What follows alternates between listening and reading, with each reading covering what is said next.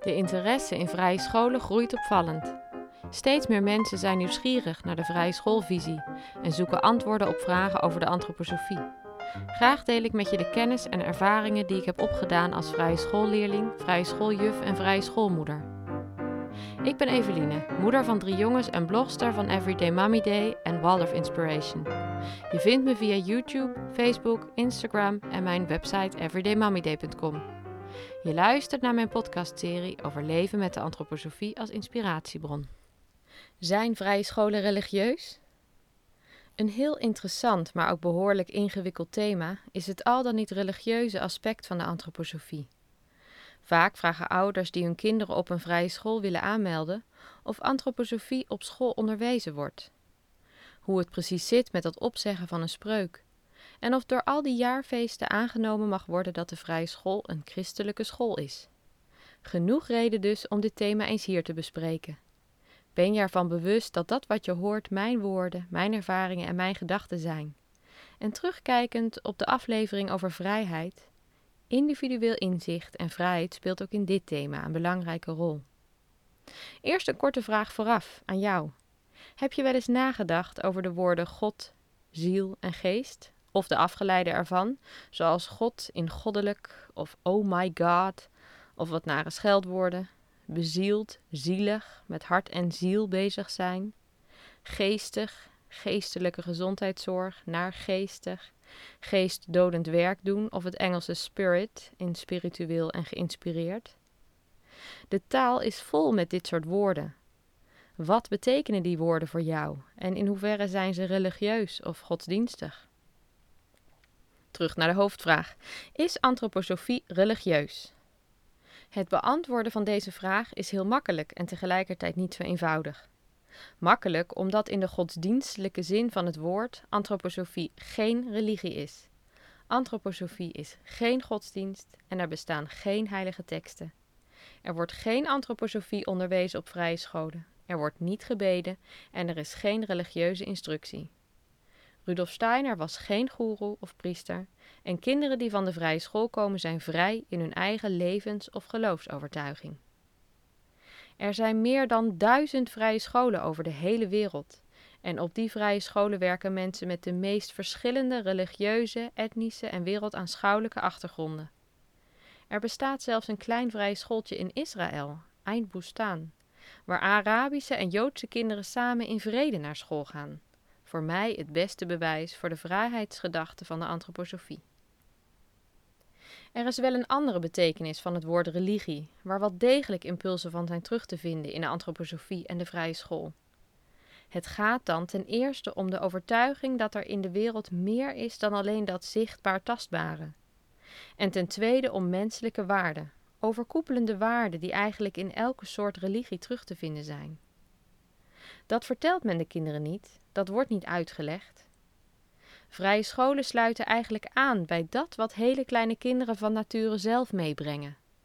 Voordat ouders namelijk kinderen afleren te geloven in dingen die niet zichtbaar zijn, hebben kleine kinderen een oervertrouwen in een soort grotere dimensie. Een bewondering voor de schoonheid van de wereld, eerbied voor het leven, een open hart, mededogen, dankbaarheid, vriendelijkheid. Dat oervertrouwen en die universele waarden van menselijkheid worden op vrije scholen gevoed en gecultiveerd. Als je die betekenis bedoelt bij het woord religieus, dan is het antwoord ja. De leraar of de ouder die geïnspireerd door de antroposofie lesgeeft of opvoedt, kan actief bijdragen aan het behoud van die kinderlijke verwondering, die openheid voor de wereld en positieve menselijke waarden. In de klas gebeurt dat bijvoorbeeld door het luisteren naar verhalen, Elk jaar kent zijn eigen verhalenthema, die je kort door de bocht een ontwikkelingsreis van de mens kan noemen. Van sprookjes, fabels, het Oude Testament, Noorse mythologie, oude culturen zoals het oude Perzië, Egypte, Griekenland, naar de Romeinen, de middeleeuwen, de industriële revolutie en biografieën van de moderne mens. Kinderen horen zo over het goede dat altijd het kwade overwint dat ieder van ons een heilige of held kan zijn als hij ervoor kiest om het goede te doen. En dat ook wij ontdekkingsreizigers mogen zijn van gemeenschappelijk en persoonlijk geluk. Nooit is een verhaal een uitleg voor hoe je moet leven, maar een rijkdom aan beeldentaal, die de mens innerlijk in beweging mag zetten. Vanuit de verhalen wordt dan de verdere lesstof vormgegeven, van de letters in de laagste klasse tot de geschiedkundige feiten in de hogere klasse. Ook het zeggen van een spreuk draagt bij aan de oprechte en bewuste verwondering voor wat er is. Men rent niet de klas in en gaat met een oefenblad alleen aan het werk. Nee, eerst geeft de docent elk kind een hand bij de deur en wordt er samen een spreuk gezegd om de dag te kunnen beginnen. Ook voor het eten is er een kort moment van aandacht. Een spreuk is geen bidden, maar eerder het gezamenlijk reciteren van een betekenisvol vers. Dit gebeurt niet met uitleg. Het is een simpele gewoonte om dankbaarheid uit te spreken voor bijvoorbeeld het eten wat er op tafel staat. De spreuk die in de ochtend gezegd wordt, is een korte blik naar buiten, naar de zon, naar de natuur, een korte blik naar binnen en een voornemen om vruchtbaar aan het werk te gaan.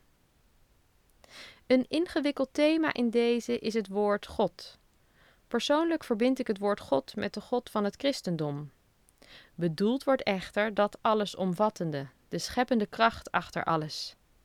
Jij bent vrij om invulling te geven aan het woord. Het is om het even of dat voor jou spiritualiteit is, liefde, een onzichtbaar krachtveld, God of Allah. In Nederlandse vrije scholen wordt het woord God in de ochtendspreuk gebruikt. In sommige Engelstalige scholen is gekozen voor universelere woorden.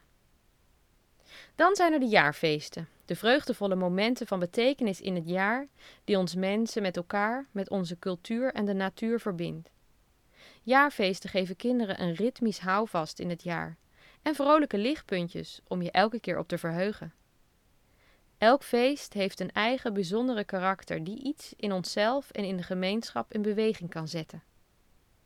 De wijsheid van de natuur en het ritme van de seizoenen zijn van grote waarde binnen de antroposofie. En hoewel de feesten die wij hier in Nederland op de meeste vrije scholen vieren verbonden zijn met ons christelijk erfgoed, zijn de meeste jaarfeesten van oorsprong eigenlijk natuurreligieuze feesten. Welke feesten je uiteindelijk viert op een vrije school is om het even en overal op de wereld anders. Het gaat om ons individu in verbinding met de gemeenschap en de natuur. Wellicht het moeilijkste onderwerp is de prominente rol van Christus in de antroposofie.